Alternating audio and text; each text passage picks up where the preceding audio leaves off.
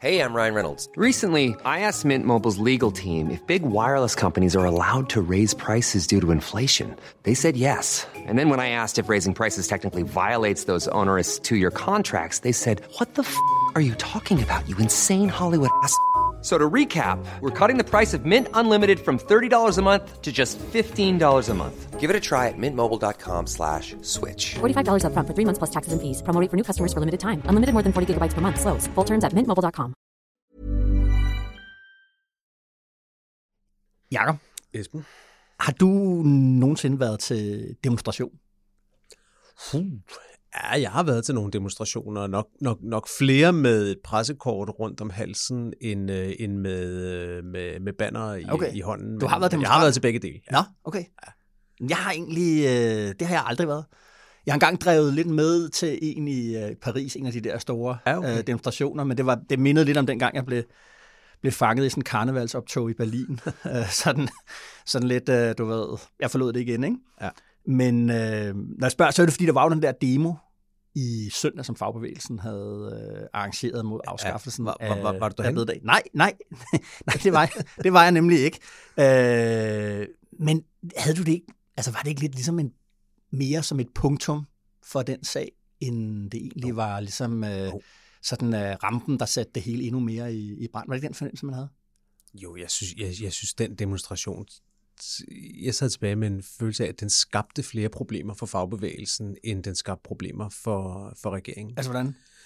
Jamen på den måde, at den lagde ikke det pres på regeringen, som gør, at de nu Mm. er ved at afskaffe, eller ved at droppe det lovforslag Nej. om stor bededag. Mm. Men den forstærkede det problem, fagbevægelsen har, at de sidder midt i nogle overenskomstforhandlinger. Præcis. Og på et tidspunkt lander de jo et forlig med arbejdsgiverne. Og når de har gjort det, Mm. så er det deres egen opgave at få medlemmerne til at stemme ja. Det er ikke regeringens opgave, det er ikke arbejdsgivernes opgave, det er fagbevægelsens opgave. Og den der demonstration har i mine øjne gjort det sværere at få et ja. Så jeg synes, de står et svært sted. Ja, og det er jo også fordi, altså det, det man skal, altså den- den her demonstration var ligesom den der underskriftsindsamling, noget man ligesom satte gang i fra fagbevægelsens tops side, fordi man gerne vil solidarisere sig med den ægte vrede, øh, der selvfølgelig øh, er derude øh, over det. Men det de ikke har gjort, det er at, øh, det er at koble det direkte sammen med øh, overenskomstforhandlinger. Faktisk har de gjort det modsatte, øh, da man satte gang i den der underskriftsindsamling. Den dag, der, der mm. sendte Claus Jensen, øh, Dansk Metals formand og hovedforhandler her nu, øh, øh, sammen med øh, Lars Sandal, DI-boss, øh, en pressemeddelelse ud, hvor de sagde, jamen det der med afskaffelsen af bededag, det var et politisk spørgsmål. Ikke, sagde de, et overenskomstmæssigt spørgsmål. Det vil sige, og det og grunden til, at det virkelig vil være det stærke argument at blande det ind i, ind i OK, det er jo det er ikke bare fordi, at man kunne erstatte en fridag med en anden. Øh, det dækker jo kun, kun siger jeg, men det er jo 600.000 mm. øh, private lønmodtagere, der Mm. bliver fandt. Men hvis det, bededag skal vi- virke, afskaffelsen af bededag skal virke, ikke? så er det centrale argument noget, de i Finansministeriet kalder normeffekt. Og normeffekt, det står for, at øh, du ved, at vi holder fri alle sammen sammen, og vi går på arbejde alle sammen sammen, fordi det er ikke særlig sjovt, men så sidder man bare der alene derhjemme, hvis man holder fri en dag, hvor alle andre er på arbejde, eller man er på arbejde en dag, alle andre har, har fri. Så hvis det skal virke, så er det noget, der ligesom skal koordineres mellem os alle sammen, og det er derfor, ja. det er godt at fjerne en fridag. Og det er klart, hvis, hvis, hvis nu Claus Jensen gik ud og sagde, jamen, jeg erstatter øh, bededag med en anden fridag, ja. så vil du fortynde i hvert fald den der normeffekts-ting. Ja. Øh, der, kunne, øh, der kunne ligge i det. Ikke? Men det har de bare ikke gjort, og det er derfor, jeg ja. synes også, at, i hvert fald, at flaskehalsen peger nu på fagbevægelsen. Hvad er det, I vil? Hvad er det, I vil med den underskriftsindsamling? Hvad er det, I vil med den der demonstration? Jeg diskuterede det i går med en, øh, med en meget erfaren arbejdsmarkedsreporter øh, reporter fra, et, øh, fra et andet medie, hvor jeg sagde præcis det, du siger nu, Ja. ja. at for mig at se, så måske den eneste vej til at få et ja fra medlemmerne til den der overenskomst, med mindre de henter, du ved, 8, 10, 12 procent i lønstigninger, hvad jeg ikke tror, de gør. Det, det vil være at indføre en ny fridag i overenskomsten, mm. om de så kalder den store bededag eller noget andet, men indføre en ekstra fridag, tage hul på den syvende ferieuge, kan man sige, med, Ja, ja. Den, med den første fridag. Mm. Og det mente denne her, øh, den her meget erfarne arbejdsmarkedsreporter, jeg talte med, at det vil overhovedet ikke ske. Og jeg tror, han, han følger det nok tættere end mig, men ja. det for mig at se, så er det lige præcis som du siger, deres eneste mulighed, det er sådan set at indføre den fridag.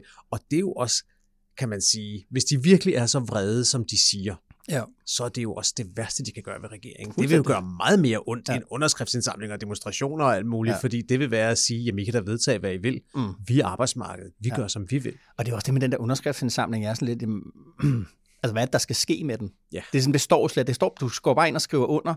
Ja. Øh, der står ligesom, at jamen, så Mm. den og den dato, der går, øh, hvad det hedder, øh, Lisette Rigsgaard op til Mette Frederiksen med sin bærbare Det- computer og det- viser, hvor mange der har skrevet under.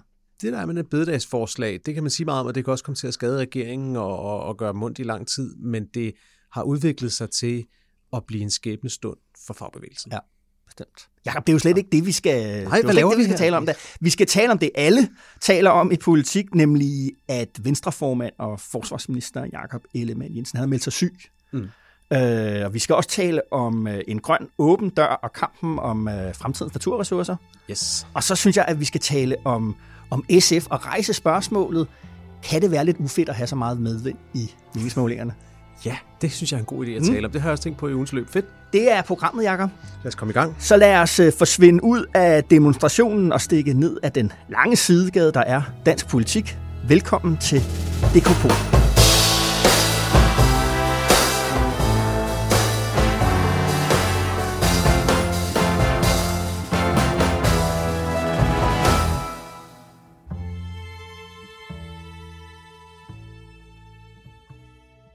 Fluen på væggen, Jakob. I hvilken frugtskål, på hvilken banan, der nok snart skal spises, hvis den ikke skal blive et problem, vil du gerne have siddet på i den her uge? Jamen, jeg ved ikke de der billeder der, om du har forberedt dig eller hvad, fordi når du siger frugtskål, så rammer du faktisk øh, ikke helt ved siden af. Nej.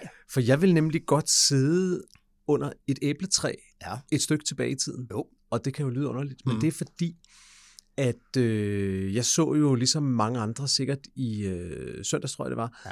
Det her interview, som Michael Bertelsen har lavet, det her, der hedder Det sidste ord, hvor han interviewer folk, inden de er døde, men først sender interviewet efter de er døde. Ja, og der ja, var jo ja. et interview med, med, med Rit Bjerregaard, Ja. og det var, det var virkelig interessant, synes Meget, jeg. Øh, ja. Især til sidst. Mm. Fordi til sidst kommer de til at tale om, om det at dø. Mm.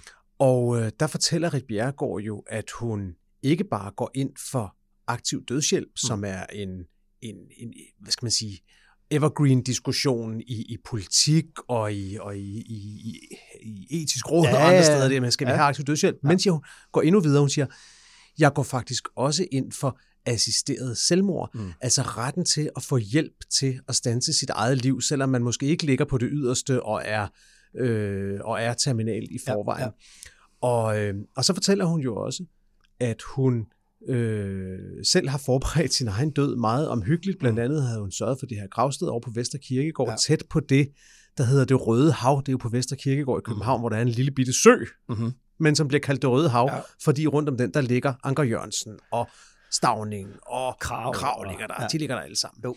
Og, og der, der, der, der ligger Rit også nu, og hun har selv forberedt gravsted og plantet fem æbletræer Ja. rundt om. Ja.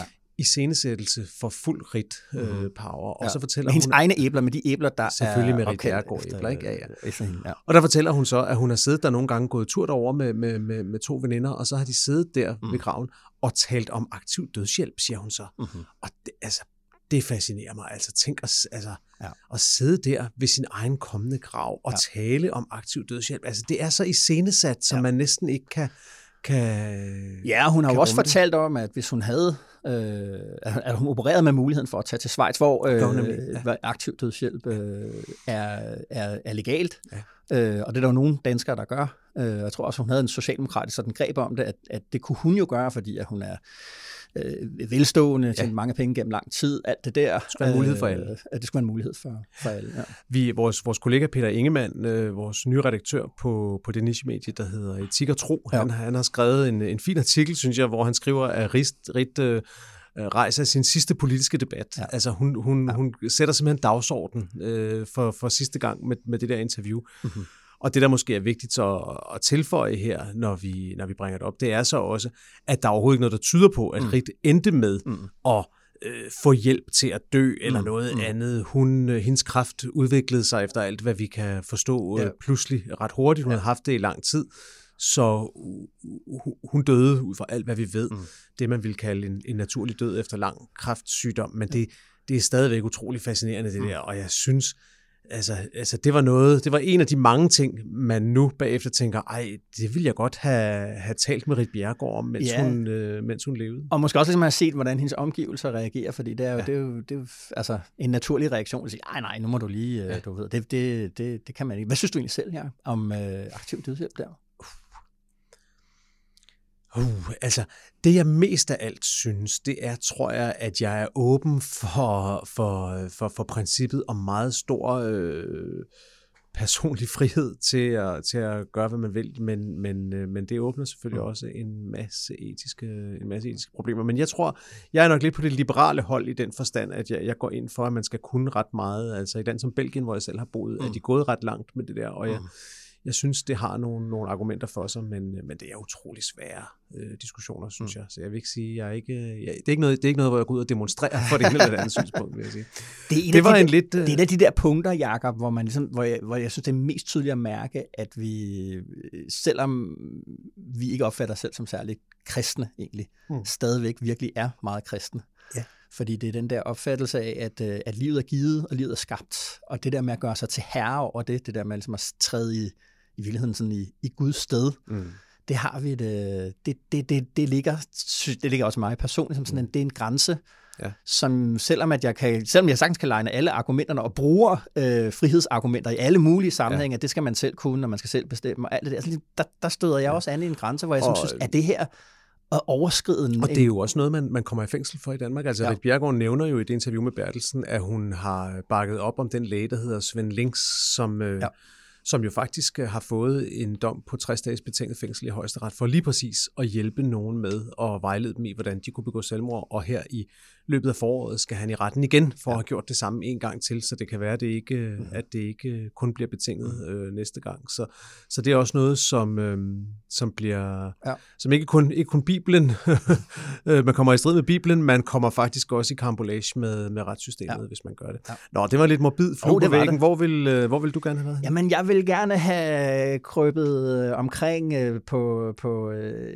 inde i Lars Bøjes bil, ny, ny, ny borgerlige form. Han fortalte øh, i din interview om, hvordan han kører sådan frem, at han bor i, i, øh, i, i Jylland, hvis for Aarhus, mm. vil jeg forstå, og han kører bil øh, frem og tilbage, og, og han fortalte noget, som jeg slet ikke vidste, nemlig at han stammer, eller mm. gjorde som barn, og han har sådan nogle øvelser, hvor han taler med sig selv, for ligesom at, at, at komme ud af det der øh, stammeri. Det gerne ville, ville, ville vide, Uh, hvis der er noget, han sidder og taler med sig selv om der i bilen på, på vej hjem, det er hans forhold til konspirationsteorier, specielt den her. Ja om World Economic Forum, som lige pludselig i Danmark er, er dukket op. Altså, hvor mener han det? Han, han, jeg synes, han udtaler sig strategisk meget. Han sådan øh, smart øh, med det. På den, fordi på den ene side siger han... Hvad, hvad, hvad er det, han har sagt? Jamen, det han siger, det er, at altså, øh, konspirationsteorien om World Economic Forum, World Economic Forum har eksisteret, så vidt jeg lige husker sådan fra sådan starten af 70'erne, mm. som var sådan en, en, øh, sådan en, en lobbyorganisation for sådan den der gamle, klassiske... Det er et netværk, det er en snakkeklub. Det er en snakkeklub, og sådan, de mødes i Davos, for rige mennesker. og for, ja, for rige mennesker, og øh, virksomhedsejere, alle, mm. alle, alle mulige politikere, og alt sådan noget. Ikke? Og det er, det er sådan et, en konference, som der er en milliard af øh, i øvrigt. Ikke? Men pointen er så, at, at, at, at uh, specielt i den amerikanske højrefløj her inden for det sidste uh, par års tid, så, uh, så er den her teori om, at de vil prøve at få en form for verdensherredømme, mm. kontrollere øh, regeringerne rundt omkring ja. i verdens lande, sådan øh, bag, om, bag om ryggen, at det ligesom er dem, der sidder og trækker i, i, i trådene. Kan du huske der i, i 90'erne? Ja, der var det jo ikke World Economic Forum, man gik rundt og tog Bilderberg. Det var Bilderberg. Ja. Altså, jeg var på politikken dengang, og politikens chefredaktør Tøger Seidenfarten var jo med i Bilderberg-gruppen, og det var jo en kilde til ja. evig ja, diskussion præcis. og konspiration. Det er den samme, øh, det er den samme, det er den samme idé. Ja. At der i virkeligheden jeg tror, han kunne godt lide ideen om, at folk gik rundt og troede, at det var dem, der sad og bestemte det hele nede ja, i Bilderberg. Ja. præcis.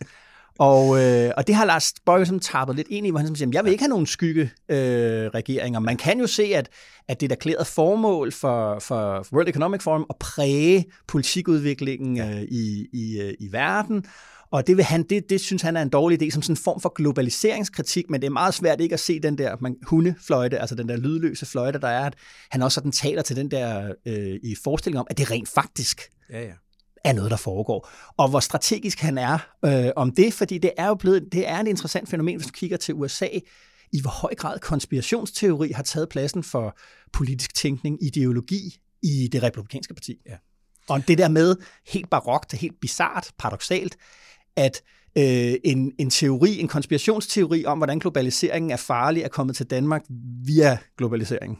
Ja, det er rigtigt, men jeg synes også, det er også altid nemt at se, hvor, øh, hvor fremmedartet og skørt det ser ud, når det foregår i USA, men det er jo heller ikke noget, der er ukendt i Danmark. Altså, jeg synes, hvis du husker tilbage under Lars Lykkes seneste regering, hele den der diskussion om den der såkaldte Marrakesh-erklæring, Præcis. hvor en række lande i FN var blevet enige om nogle overordnede principper for migration, som var fuldstændig uforpligtende og ikke retligt bindende eller noget Og dobbelttydige. og dobbelttydige. Det var jo, altså det nægtede den daværende udlænding- integrationsminister Inger Støjberg jo. Hun ja. nægtede at tage ned og underskrive dem. Ja. Og det var jo lidt ud fra det samme, at hun ligesom, hun ligesom dermed gav luft til en forestilling om, at det her, det var sådan en slags, ja. Ja. en slags hemmelig ja. verdenserklæring, som ville ramme Danmark i nakken senere. Så måtte Lars Lykke jo simpelthen, for i det han jo notorisk ikke ville fyre Inger Støjberg, så i stedet for så satte han sig jo i flyveren derned og skrev under selv. Ja, ja, ja, vildt. Det var sjovt. Nå, men det, der vil jeg gerne have siddet Ja. ja. der og vide, hvor, hvor, hvor planlagt er det der. Ja, Mm. spændende. DK Pol er Altingets ugenlige podcast, der udkommer hver fredag. Brug den som del af din analyse af politik og samfund. Abonner på DK Pol, hvor du hører dine andre podcasts.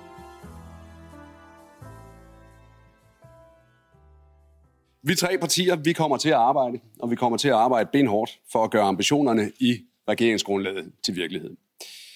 Og selvom det har været en turbulent start for regeringen, så står vi fast. Og det kommer vi til at gøre i årene frem. Ja, det var ikke bare øh, Jakob Ellemann Jensen, der indrømmede, at starten på SVM-regeringen har været turbulent.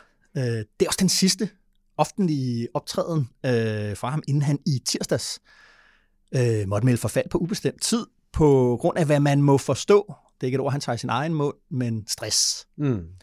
Øh, på Facebook, der skrev han om det, hvor han skrev, jeg kan ikke både være far, forsvarsminister og partiformand på en og samme tid, hvis helbredet ikke er i orden. Citat slut. Mm. Jakob, det er jo svært at tale om det her, fordi det jo er dybt personligt, og på den måde jo meget større end politik. Ja. Øh, men det er også svært ikke at tale om det, fordi det er så dybt politisk, når det er Venstres formand, der så tidligt i regeringssamarbejdet må, øh, må melde sig syg på ubestemt ja. tid.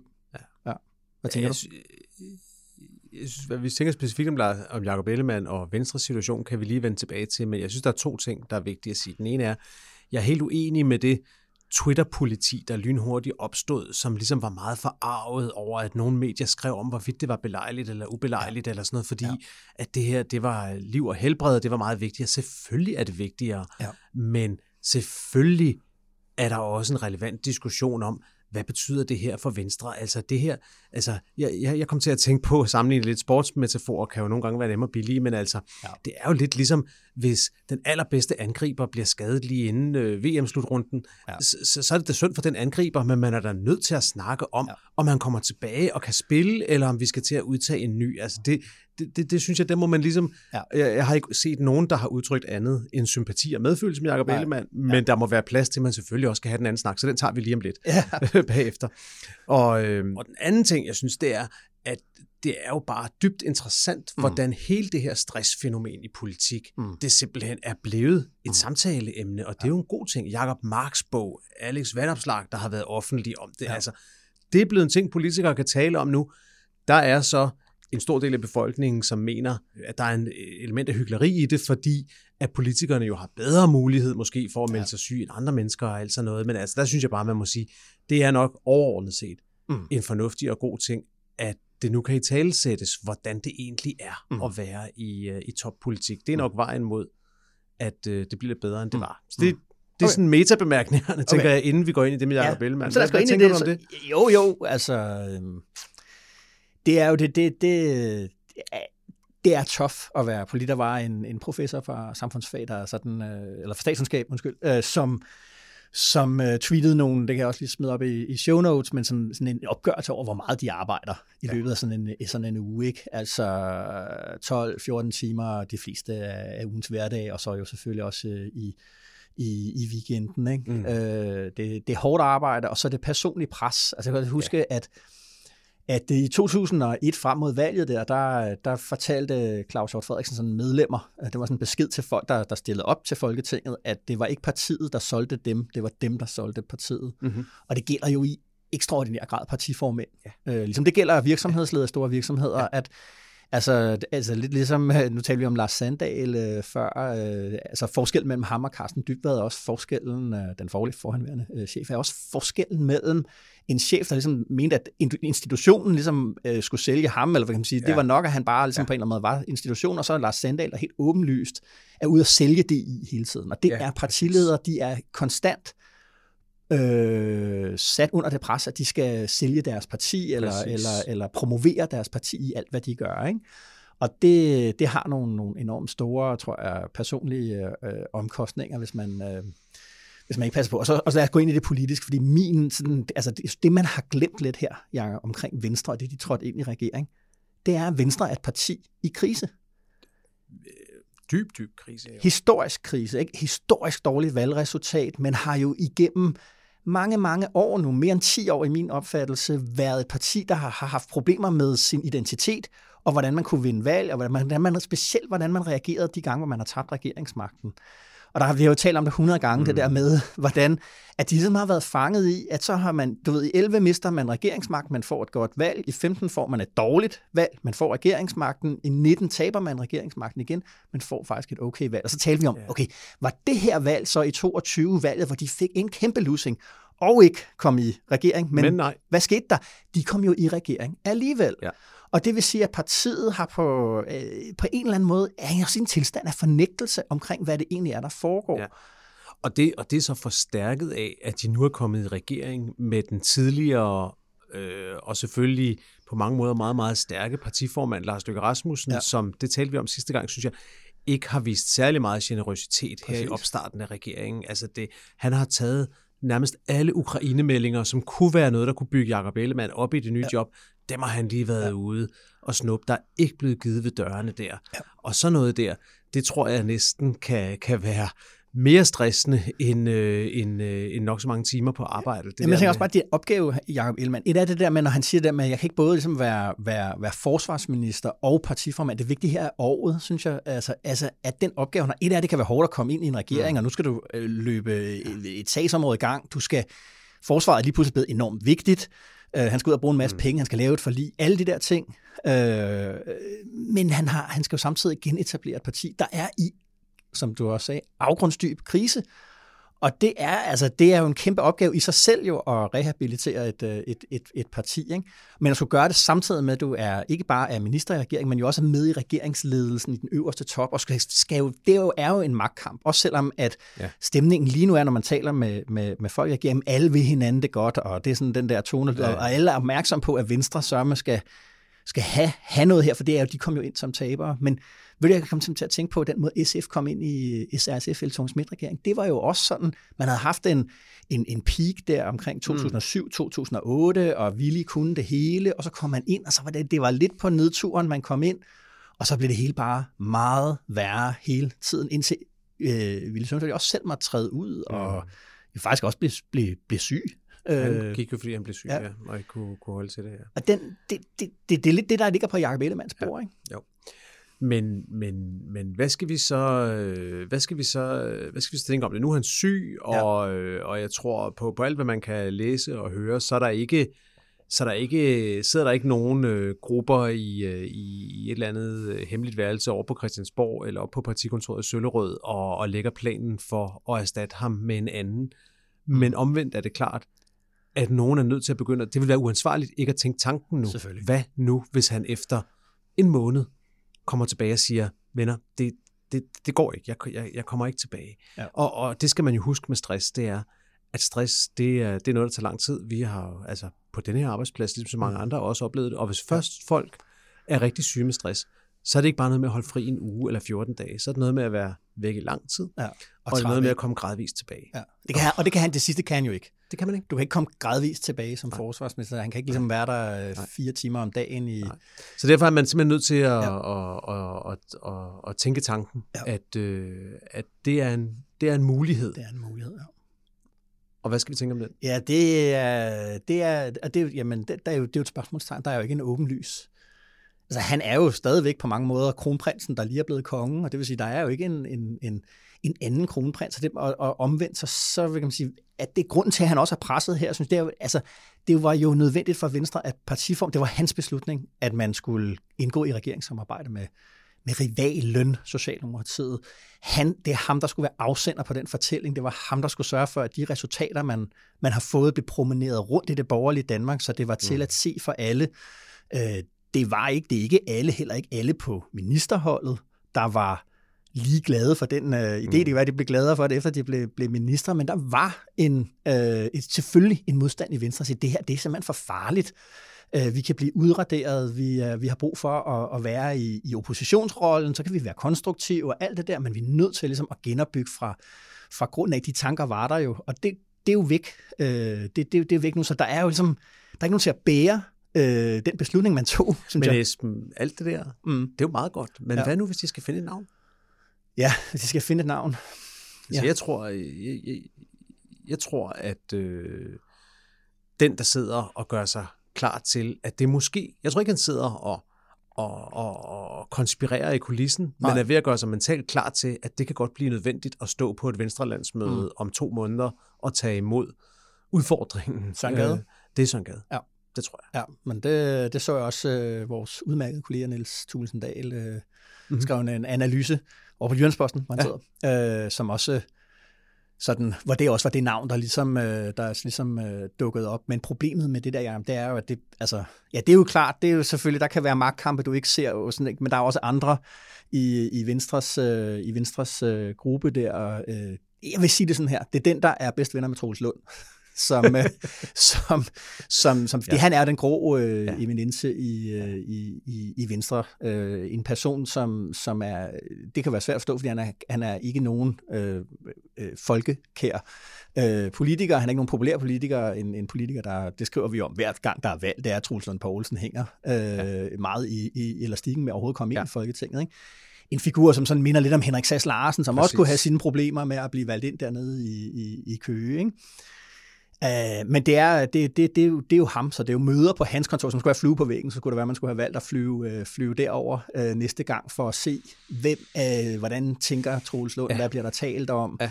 hvad er det for nogle hvad er det egentlig for nogle tids, mm. øh, altså hvad, hvad, hvad giver man sig selv en timeline her og siger, okay, når ja. vi kommer, altså hvis det her er sommerferie, mm. så er vi nødt til at reagere på den der måde, og du ved, alt ja. det der.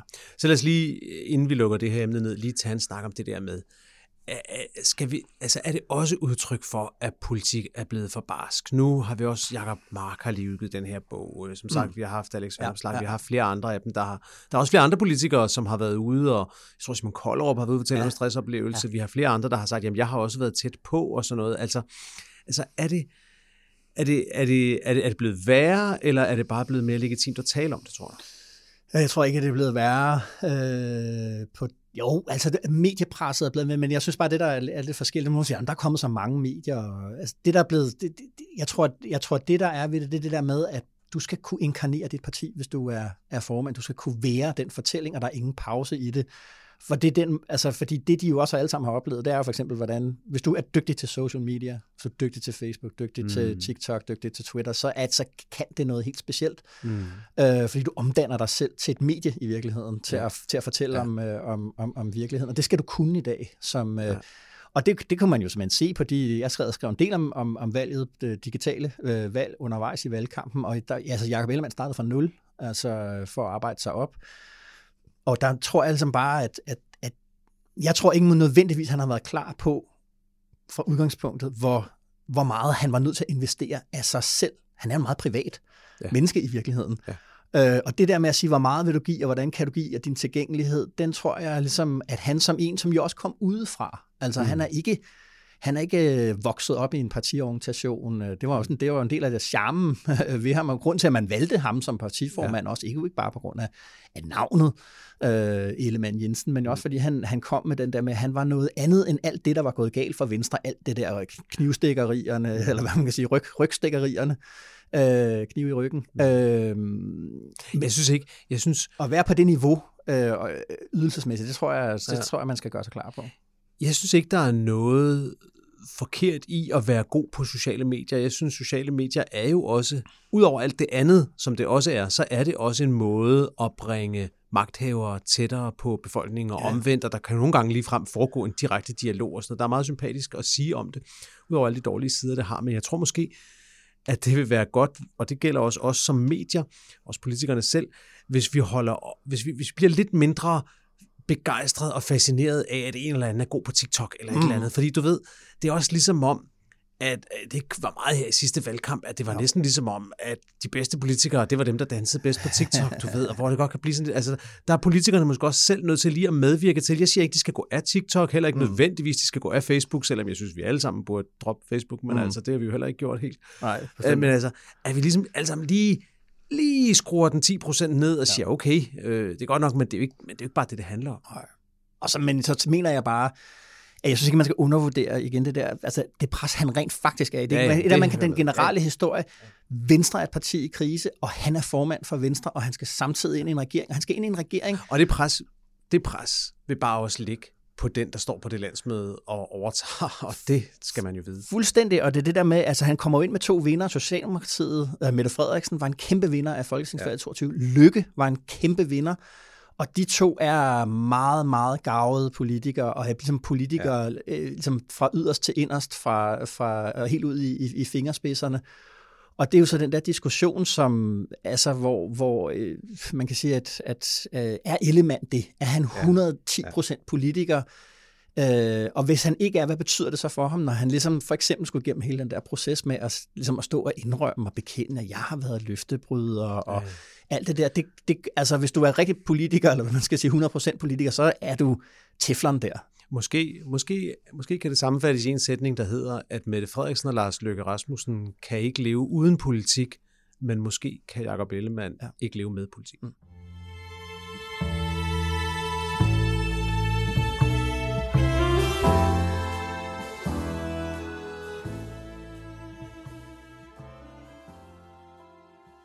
Alright, Jacob. Nogle gange ikke, så er det som om, at vi to, vi står ikke bare og taler om virkeligheden.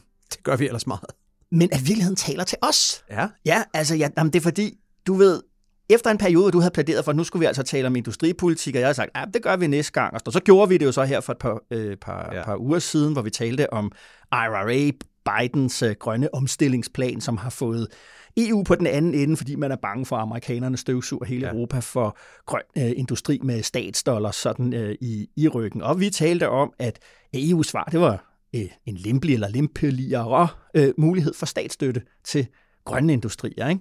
Ja. Men nu den store historie i den her uge, det har været, at, den, at en dansk version af statsstøtten, nemlig det, der hedder den åbne dør, som handler om, at man kan øh, som privat virksomhed øh, sådan, så man få et område ude på havet og opstille, opstille vindmøller øh, på. Øh, det er løbet ind i problemer, øh, fordi øh, lød historien i hvert fald, Energistyrelsen vurderer, at der er problemer med EU's regler for statsstøtte. Og det var ja. lidt mærkeligt, hvordan kan EU på den ene side have givet lempeligere mulighed for statsstøtte, og så kan vi lige pludselig ikke sætte den grønne omstilling for fuld tryk ude på havet, på grund af EU's regler om, om statsstøtte.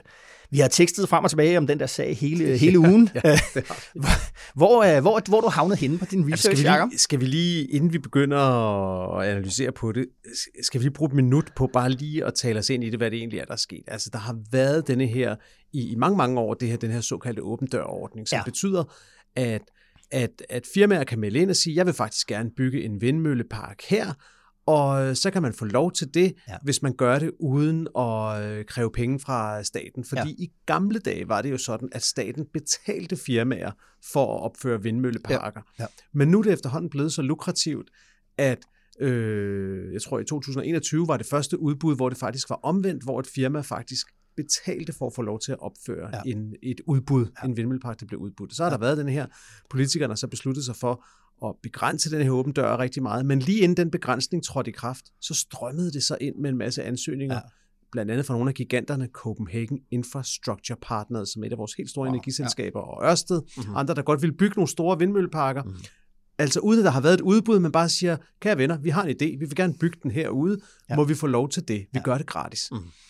Og det har så ligget og luret, og der har været meget pres på for, at nu må der snart til at ske noget. Altså nogle af de her folk, øh, erhvervsfolk og øh, sådan en som øh, direktøren for Pension Danmark, Torben Møre, som er en af de største investorer i grøn energi i Danmark med alle sine pensionsmilliarder, Ja. har været ude at sige, det kan ikke nytte noget, at politikerne på den ene side står og taler og taler om grøn omstilling, og de vil have mere, og at de så ikke gør noget, når vi kommer og tilbyder dem Ja. det. Nu må de sætte fart på. Ja. Og ja, så, øh, så har de så lige pludselig sagt, hov, øh, det kan vi forresten ikke alligevel, det her, øh, det her åben dørs. Det er jo meget, meget, ja. Ja. det er jo meget, meget mystisk. Ja, jeg, jeg tænker på det, hvis man vil prøve at forstå det, så kunne man prøve at stille sig selv spørgsmålet, Mm. mm. hvad er mest værd? Ja. En liter olie eller en kubikmeter luft? Ja. Det er store spørgsmål. Ja. Det Og er, hvorfor, hvorfor spørger jeg om det? Det er selvfølgelig fordi, at hvis man husker tilbage til dengang Danmark var et stort olieland, nu er vi til dels et gasland, men, men ikke så meget olieland Ja, mere. ja. Men så var der jo det hele tiden den her diskussion om, hvorvidt især AP Møller Mærsk og, og andre, Ja. ja. der, der hæv olien op af undergrunden, om de egentlig betalte nok ja. for den olie. For de tjente jo styrtende med penge Vi på... sad og kiggede op på nordmændene, som havde beholdt olieudvindingen på, på Statoil, som det hed, ikke? altså staten, statens hænder. Og de har jo den der gigantiske oliefond, øh, Som ejer hele verden. Som ejer hele verden, og som gør, at... Er det ikke noget med, at de øh, har aktier i alle selskaber i hele verden, eller sådan et eller andet? Det er helt absurd. Norge kan simpelthen ikke gå bankerot længere. Øh, og, øh, og der sidder vi jo, apropos bededag, og sidder og tæller femme og siger, er der Ja, råd til det hele om, om, om 20 år? Så der har været den her diskussion, Ja. forærede vi olien i Nordsøen væk ja. for billigt? Ja. Og det, der er ved at ske nu, tror jeg, det er, at politikerne er ved at indse, at man kan også forære den øh, stride cooling ude i Kattegat ja. og i Nordsøen væk Ja. ja. for billigt. Fordi hvad nu, hvis Ørsted, hvis Copenhagen Infrastructure Partners, hvis andre firmaer kommer til at tjene millioner eller ligefrem milliarder på de her vindmølleparker. Mm. Hvordan vil eftertiden så dømme de politikere, der mm. bare forærede dem det gratis? Og her i sidste uge havde vi jo en lang konference over på Christiansborg, det vi kalder verdensmålsugen, som vores venner nede i mandag morgens tænketank havde arrangeret. Ja. Og øh, der var jo blandt meget andet også debat om det. Og der var en, øh, en chef ude fra Ørsted i en debat, jeg selv øh, modererede, mm. som, som, som sagde, og det var jo inden vi kendte denne her øh, regeringsbeslutning om mm. at lukke den åbne dør. Mm. Han sagde, "Vi- er med på, at vi måske skal betale noget for det her. Vi er med på, at vi måske skal aflevere noget af overskuddet. Vi ved godt, at vi får nogle værdier leveret her. Så det har de været åbne over for. Ja. Og det synes jeg, det, for mig at se, så rejser det her spørgsmål om, hvad er det, regeringen har gang i? Hvorfor er det, Mm. at... Jeg jeg tror, de har gang i, at de godt ved, at de skal tjene penge på det, Ja. men hvorfor er det så, de giver EU skyld? Men det er fordi, altså i EU, der giver vi altid, altså, altid skylden, ikke? Altså, det er jo... Øh, Man sidder og kigger rundt og Ja. siger, ja. hvad, hvad, hvad kan, vi, kan, kan vi ikke sige, det er EU's skyld? Ja. Jo, det kan vi godt. Ja.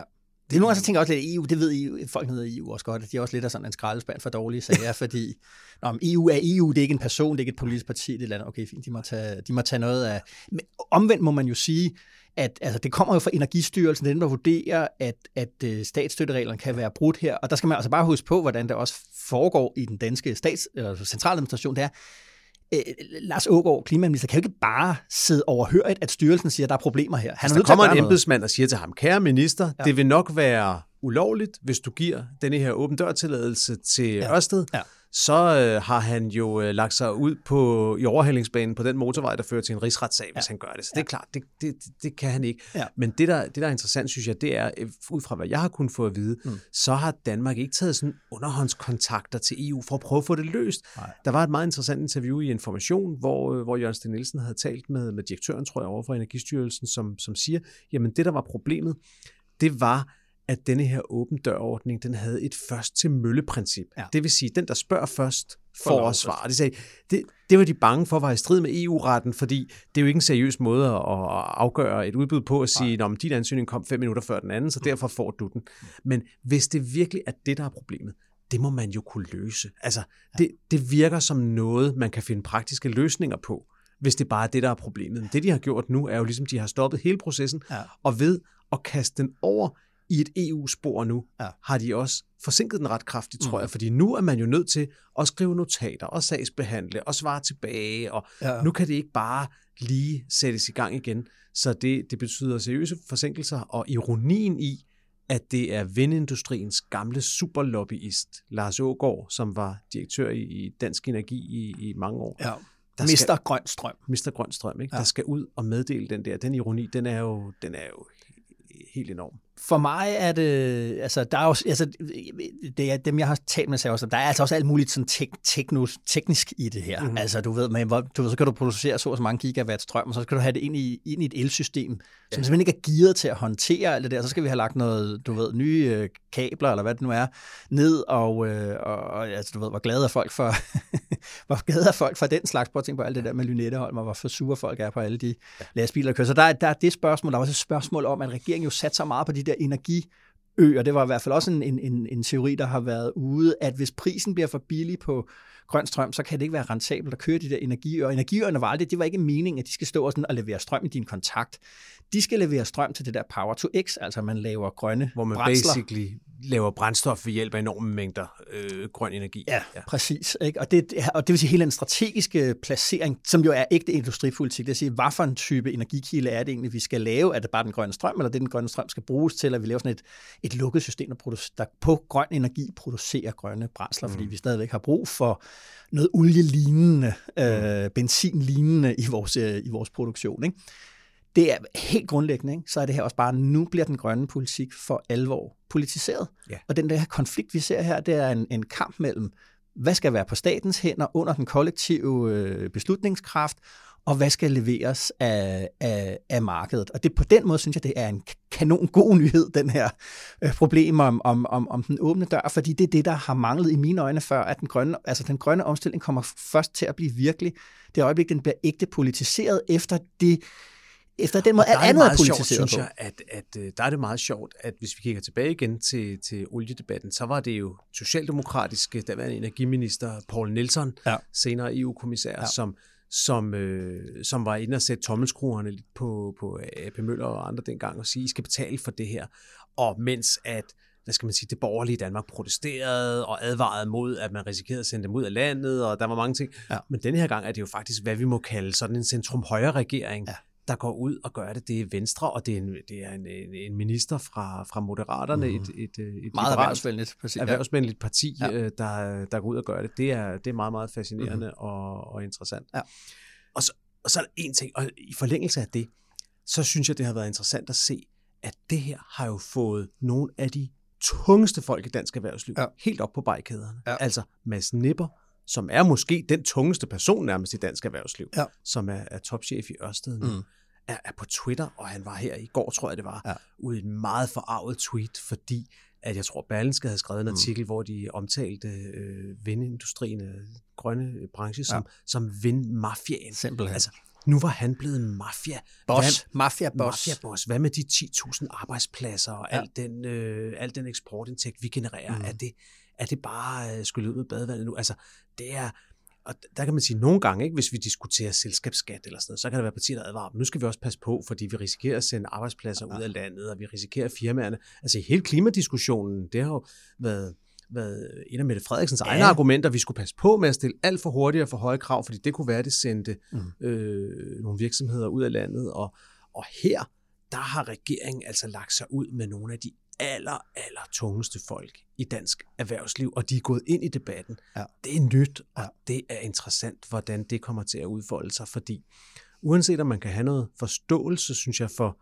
regeringens behov for at sikre, at det sker på ordentlige vilkår, det her. Mm. Både som du siger, at der er styr på infrastrukturen, at der ikke er tusind mennesker, der laver forskellige ting, så hele vores energisystem bliver et stort kludermor af ledninger, som ingen har styr på. Mm. Plus det andet med, at staten får sin fair share af indtægterne mm. fra alt det, der bliver bygget. Begge de to dele er vigtige, men samtidig har vi jo altså nogle ambitiøse klimamål, ja. og hvis de skal nås, så er man bare nødt til at komme i gang. Altså, så er regeringen også nødt til at få sat noget fart på. Mm. Det er jo et helt reelt hensyn også.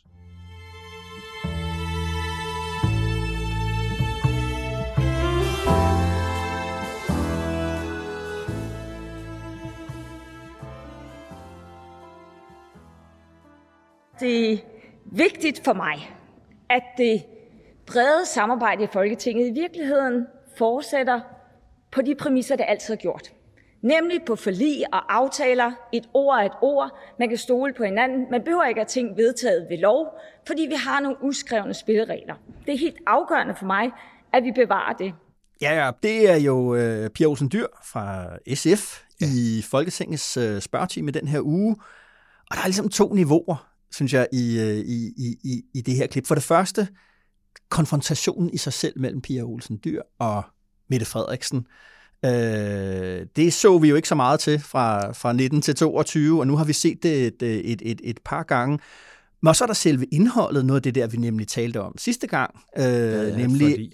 hvad er forlig, hvad er aftaler, overlader Mette Frederiksen og SVM-regeringen simpelthen hånt om ja. den danske forlis, øh, forliskultur. Jamen, prøv Hvis vi tager er det sidste først, hvis vi tager det sidste først, Jacob. Du var sådan lidt på Mette Frederiksens hold, øh, hvis jeg skal sige det sådan. Ikke politisk, men den der afvisning af, at der er der problemer med, den, altså, er der problemer med den danske forliskultur, er, er, er Mette Frederiksen ved at, at lægge øh, en demokratisk norm i graven i Danmark. Ja. Og, og hvis, man, hvis man hører hele den der, jeg tror den var cirka fem minutter i alt, den der udveksling mellem øh, Pia Olsen Dyr og Mette Frederiksen, så vil man høre, at øh, Pia Olsen Dyr også deler den analyse. Hun siger ja. også, at det er helt fair, at forlig ikke er gældende længere, hvis der ikke er flertal for dem. Mm. Så hun går sådan set ind i det samme, som det Ja. vi talte om i Ja. sidste uge i Dekopol.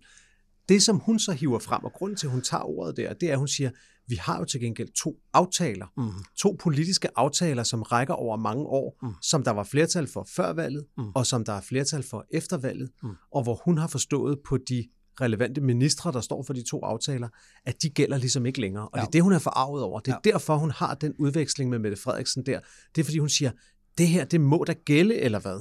Især selvfølgelig det, der var SF's uh, claim to fame i uh, 1922-perioden, forrige, forrige valgcyklus, minimumsnummeringerne. Ja, det ene var minimumsnormeringerne, og det andet, det var en aftale om, øh, om forbud mod forurening ved øh, drikkevandsboringer, mm. hvor der er lavet en aftale, som bestod i, at øh, Venstre fik den indrømmelse, at det skulle ske af frivillighedens vej i første omgang. Ja. Til gengæld skulle der lovgives i Ja. 2023, Ja. og der siger Pia Olsen Dyr, hov, hov, Venstre fik gevinsten ved den aftale, kan man sige, Ja. ja. med det samme, så kan man jo ikke bare komme bagefter og stryge vores del af aftalen, der hedder, Mm. at der skulle lovgives i 2023, når der stadigvæk er flertal for den. Det var hendes Og det øh, svarer Mette. Frederiksen, hun, hverken på den ene eller den andet, svarer hun jo og siger, at det har du også ret i, og ja, minimumsnummeringerne, det gælder sørme stadig, og, øh, og den, den lå vel og hang lidt. Det hun gør, Mette Frederiksen, det er, at hun, øh, hun be- begynder at belære Pia Olsen Dyr om, at der er forskel på en forlig og en aftale, og der kan man, der kan man godt fornemme, der bliver Pia Olsen Dyr en smule stram i betrækket. Og det, jeg tror, der sker, det er, at, at Mette Frederiksen simpelthen ikke er helt inde i detaljerne. Det siger hun vist også på, på mm. de to ting, hun snakker om. Men det, jeg har forstået, det er, at efterfølgende, ja. så er der ligesom kommet en ny melding, både på minimumsnormeringer mm. og på det med drikkevandsboringerne, at de aftaler, de gælder stadig. De står ved magt. Så de, de, de står ved magt. Og på den måde, synes jeg, når vi snakker om substansen, tror jeg, vi er tilbage på status quo, at, at der er ikke sket, så vidt jeg kan se, Nej. nogen stor forandring i forliskulturen mm. på Christiansborg. Ja. Alright, men så, så lad os øh, fokusere på, øh, lad os få kvartrup-hatten på, øh, Ja. Jacob, og så få, få, fokusere alene på det der med, at det nu er anden eller tredje gang, at, øh, at den mest loyale øh, Mette Frederiksen støtte fra, fra 19 til, til 22 nu øh, træder frem som hendes, en af hendes væsentligste kritikere i, ja. i, øh, i, i, i Folketingssalen. Og det har jo, der er jo en baggrund her, som er, at SF, øh, siden regeringen trådte til, har, har suget rigtig, rigtig mange, hvis ikke alle, at, øh, at de øh, vælgere, som er utilfredse med Mette Frederiksen, altså socialdemokratiske vælgere, som er utilfredse med Mette Frederiksen, selvfølgelig i særdeleshed på, på spørgsmålet om bededag. De er alle sammen løbet over til Pia Olsen Dyr. Hun har nu øh, 12-13 procent af stemmerne i, i meningsmålinger. Det svarer mm. til dem, som, som Socialdemokratiet har, har, har, har mistet. Ikke? Det er jo på den ene side rigtig, rigtig fedt for Pia Olsen Dyr. Hun har medvind i meningsmålingerne. Det ved vi jo ligesom, at når du har det som politisk parti, så har du det godt. Men spørgsmålet er, om der ikke er en forbandelse, der ligger og lurer lidt mm. ved den fremgang, eller som i hvert fald skal, altså, skal gøre hendes balancegang øh, svær. jeg, jeg synes også på den måde var de der fem minutter i spørgetimen rigtig interessante, fordi det gjorde faktisk næsten en lille smule ondt at sidde og se på dem, Ja. ja. fordi at, øh, at der var en der var en frustration og en skuffelse mm. i Pia Olsen Dyrs tonefald, Ja. som stak meget, meget dybt. Altså det var næsten som en samtale i et, øh, et parforhold eller ægteskab, hvor der var foregået noget ja. Ja. helt, uden for, helt uden for reglerne. Ikke? Mm. Også? Og, øh, og det afspejler jo den dybe, dybe skuffelse, jeg tror, hun føler over at, at være endt der, hvor, hvor hun er endt. Men Jacob, så, så vil jeg godt være på Mette Frederiksens hold nu. Ja. Øh, i, i, fordi det, der jo var pointen med bededagskrydset, et er ligesom, at okay, så bliver det for ultimativt med den der tidsgrænse der. Men budskabet i det, det var, man skal være med til at lave udbudsreformer, hvis man også vil, øh, som skaffer råderum, hvis man også vil være med til at gøre nogle af de gode ting, øh, dele penge ud, som mm. de siger. Og pointen med det er jo selvfølgelig, at udbudsreformer er sindssygt upopulære, mm. øh, og det er virkelig, det kan koste en regering magten at gennemføre ja. udbudsreformer. Og det var ligesom det, der var budskabet her. Det er et budskab, som er jo er blevet taget ned andre steder i Folketinget, det er, at de er mm. godt klar over det. Øh, jeg talte med en radikal kilde her, som var sige, ja, okay, nu havde man også lige kigget regeringsgrundlaget igennem, og man kunne jo godt se, at for alle de otte eller ni spor, eller mange der nu er i indgangsportalen for at være med øh, og få indflydelse ved hver af de otte spor, jamen det er, at man er med til at lave de her udbuds, øh, udbudsreformer, som er så upopulære. Og det peger jo tilbage på Pia Olsen Dyr. Hun har, det har vi talt om her mange gange, hun har ikke, det hun er lykkedes med, det er det, som Jacob Ellemann står over for lige nu. Genrejse et parti, flytte et parti på samme tid. Det, mm. har, det har vi rost hende for mange gange her, hvor, hvor dygtigt hun har ja. gjort det. Det lykkedes hende på, på EU-politikken, det er lykkedes hende på forsvarspolitikken, men det der på øh, udlændingepolitik, og det der, men ja. det der står og blinker lige nu, ikke, det er, kan SF være med, og det har hele tiden stået og blinket, synes jeg. Øh, kan F, SF være med til udbudsreformer? Ja eller nej? Fordi hvis projektet, og det har jo været Pia Olsen Dyrs projekt, det er at gøre SF til et parti, der kunne sidde i en regering at hun kunne blive minister Præcis. igen. Hun har endda Præcis. på et tidspunkt flyttet med ideen om, at hun kunne blive finansminister. Ja, ja. Men kan hvorfor siger hun, du så, at du tager Mette Frederiksens hold for, nu? Hvad er så din pointe? Jamen min pointe med det, altså den der skuffelse, som, øh, som Pia Olsen Dyr føler, hun føler, at, at, at Socialdemokratiet har svigtet dem. Ja, men hvis det gælder altså kun, hvis SF kan være med til at, at lave udbudsreformer. Mm. Øh, fordi hvis de ikke kan være med til det, jamen så vil vi uundgåeligt være kommet hen til det punkt anyway, hvor at SF vil være nødt til at sige nej tak. Ja, det er klart. Det har du ret i, men det er jo også deri, man skal forstå noget af skuffelsen, fordi at Pia Olsen Dyr, ligesom resten af Venstrefløjen, troede, de havde Mette Frederiksen et andet sted. De troede, at hun delte deres skepsis ja. over for, at udbudsreformer var den eneste vej ja. mod en fornuftig fremtid. De troede, at de var enige om, mm. at der kunne være andre veje, at man ja. kunne kigge på skatter, at man kunne gøre andre ting. Mm. Og der har de bare Ja. Der har de bare fået, hvad de føler er en våd klud i ansigtet, ja. at øh, nu er det hele udbudsreformer igen. Ja, men det undrer jeg, jeg undrer mig bare lidt over det, fordi det er ligesom om, at at det, det er jo så noget, man så tænker, fordi man tænker, at udbudsreformer er borgerlig politik. Mm. Og der synes jeg, man skal lægge mærke til egentlig, at, at du ved, når de konservative slår sig i tøjet omkring bededag, så er det jo fordi, de siger, de siger, de siger det omvendt. De siger, vi, hvorfor skal vi være med til at lave udbudsreformer, ja. som gør øh, velfærdsstaten mere finansielt holdbar, større og stærkere? Alt det, der. det er jo ikke, vi, er ikke ind, vi går ikke ind for en universel mm. velfærdsstat. Det er ikke vores baghave, den er groet i, og hvad, hvad man nu ellers ja. ligesom kan sige. Og det er bare det der med, har venstrefløjen egentlig fået taget en seriøs debat om, øh, om udbudsreformer deres rolle, den rolle, de har spillet de mm. sidste 30-40 års førte politik. Og der synes jeg, og det, kommer, det, kommer det synes tilbage. jeg nogle gange ikke, at de har. Nej. Og det, og den debat kommer vi så til at tage igen, når vi på et tidspunkt senere i den her folketingsperiode kommer til at tale om SU-reform, ikke også? Fordi der kommer mhm. især mm. SF, der er vel ingen tvivl om enhedslisten, de vil bare sige, sige nej, nej, nej, men jeg synes især for SF, der kommer en interessant dilemma der, hvor de skal afgøre med sig selv, ja. er, det, er det deres rolle at stille sig på barrikaderne, også for at de velstillede børn mm. skal kunne blive ved med at få meget høj SU, ja. eller er det et af de steder, hvor SF skal sige, jamen okay, mm. det er en udbudsreform, vi måske godt kan lægge stemmer til, hvis vi kan lægge noget på i bunden mm. i stedet for i form af dem, der har allermindst, mm. får lidt, uh, lidt mere at gøre godt med. Der, der er man nødt til, det synes jeg, du har en god pointe i, mm. udbudsreformer, vi er nødt til at lade være med, og det er politikerne måske også især SF nødt til at lade være med, at se det i sort-hvidt som en øh, venstre-højre ting. Ja, og, og, og, og, og så bare ligesom, altså i hvert fald få et afklaret forhold til det, det man bare kan sige, der lå i det der bidedagskryds, det var at sige, det er i hvert fald regeringens øh, måde at sige, det der definerer et konstruktivt parti, konstruktivt oppositionsparti, det er, om du kan være med eller ikke være med til det. Ja. Og, og det har vi diskuteret hele tiden, at, øh, at, øh, at, at Jamen det er, og det er ikke bare den her regering i mine øjne, det er, det er nu prøver jeg at se, om jeg kan undgå at sige ordet konkurrencestat. Ja, prøv lige. Men det har bare været, det har været name of the game i dansk politik ja. siden 82. Ja. Og det bliver man vel et eller andet sted hen nødt til at have et forhold til, og, og Pia Olsen Dyrk er det, er det jo særligt interessant, fordi hun har haft det der projekt om at gøre SF regeringsduelig. Hun har siddet i otte år, og nu begynder at nærme sig den der 10-årsgrænse. Lidt hårdt sat op, ikke? Hvis hendes holdning bliver, at vi kan ikke være med til udbudsreformer, så er projekt SF i regering i mine øjne en dødsild.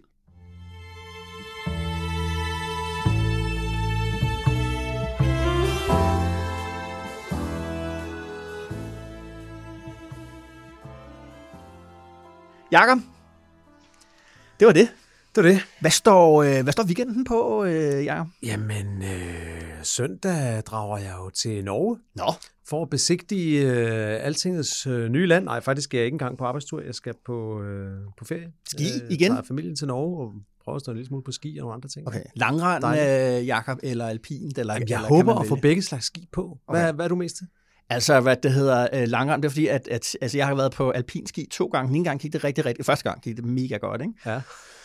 Og så anden gang, så brækkede jeg kravbenet øh, i en... I et, at, vi kan fylde en hel dekopol med den, øh, den historie der, med hvordan vi kom ikke. til Norge, okay. og så brækkede jeg kravbenet, okay. og, og nordmændene synes ikke, det var super fedt, at, øh, altså, at jeg kom der med, som dansker med et brækket kravben. Det havde de ligesom set tilpas mange gange, og det var en, det er en større historie. Så siden da har jeg ligesom Okay. øh, ikke, ikke været på ski, og vil ikke øh, på ski på grund af det. Øh, men langrand, øh, synes jeg, har, øh, i den takt med, at jeg også, øh, hvad kan man sige, jeg, jeg er jo cykelmand, jeg kan godt se ligesom et overlap. Det er ligesom om, at det som cykelsporten er for steder, hvor det, hvor det ikke sneer så meget, det er det, som langrand ligesom er mm. deroppe. Jeg synes, der er noget fedt ved det. Så det, det kunne jeg måske godt tage op. Men jeg, er ikke, jeg kommer ikke fra en familie, jeg der stået på ski. Jamen, det gør jeg heller ikke. Jeg har, måttet, jeg har lært det i en meget sen alder, men har efterhånden fået tillært mig nok til, at jeg står habilt ned ad bakke, men, øh, men jeg har fascinationen af langrand. Det der ved, det, Ja. ja. det der ved, det, det er naturoplevelsen, synes jeg. Ja. Det der med, at du faktisk selv i de mest befolkede skiområder i Norge, Mm. så kan du, hvis du er en, bare en lille smule heldig og lidt tidligt op, så kan du stå på ski i 10 minutter, 15 minutter på langrand, og så er du ude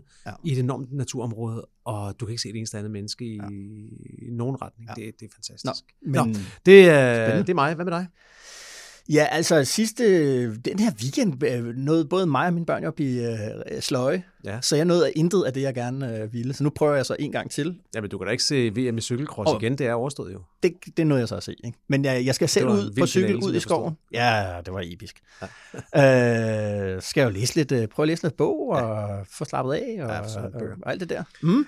Prøv at høre, øh, nu er der måske nogen, der tænker, okay, hvis øh, Esben drøner rundt på en cykel ude i skoven, mm. og jeg drøner rundt på nogle langrendsski op i Norge. Ja. ja. hvad så med lyd i næste uge? Ja. Ja. Men der sker jo faktisk det, at når vi lige har drukket en kop kaffe lige om Mm. lidt, så øh, stiller vi os her i studiet igen. Og laver en vinterferie special. så laver vi en vinterferie special Ja, ja, om, præcis. om konspirationsteorier. Ja, fedt. Jakob, øh, du skal anbefale øh, Yes. læseren noget.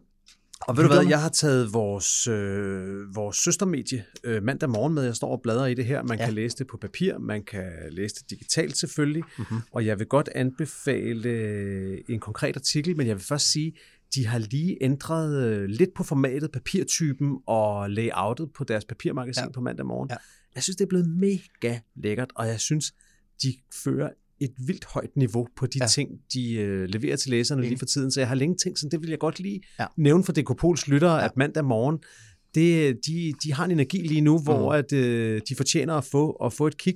Og jeg har fået lov af mandag morgens øh, chefredaktør, Tanja Nyrup Madsen, jeg har fået lov til at dele en enkelt artikel til, særligt til DK lyttere. Aha. Sådan et gavelink, så man kan læse en artikel, der Ja. egentlig er bag betalingsvæg, og man skal have abonnement Ja. for, men den har Jo. fået lov til at dele. Og det er fra det, øh, fra det nummer, der, der kom i mandags. Og, øh, og det er en, en, en artikel, der hedder Opgør med myten om det vildt voksende byråkrati, Mhm.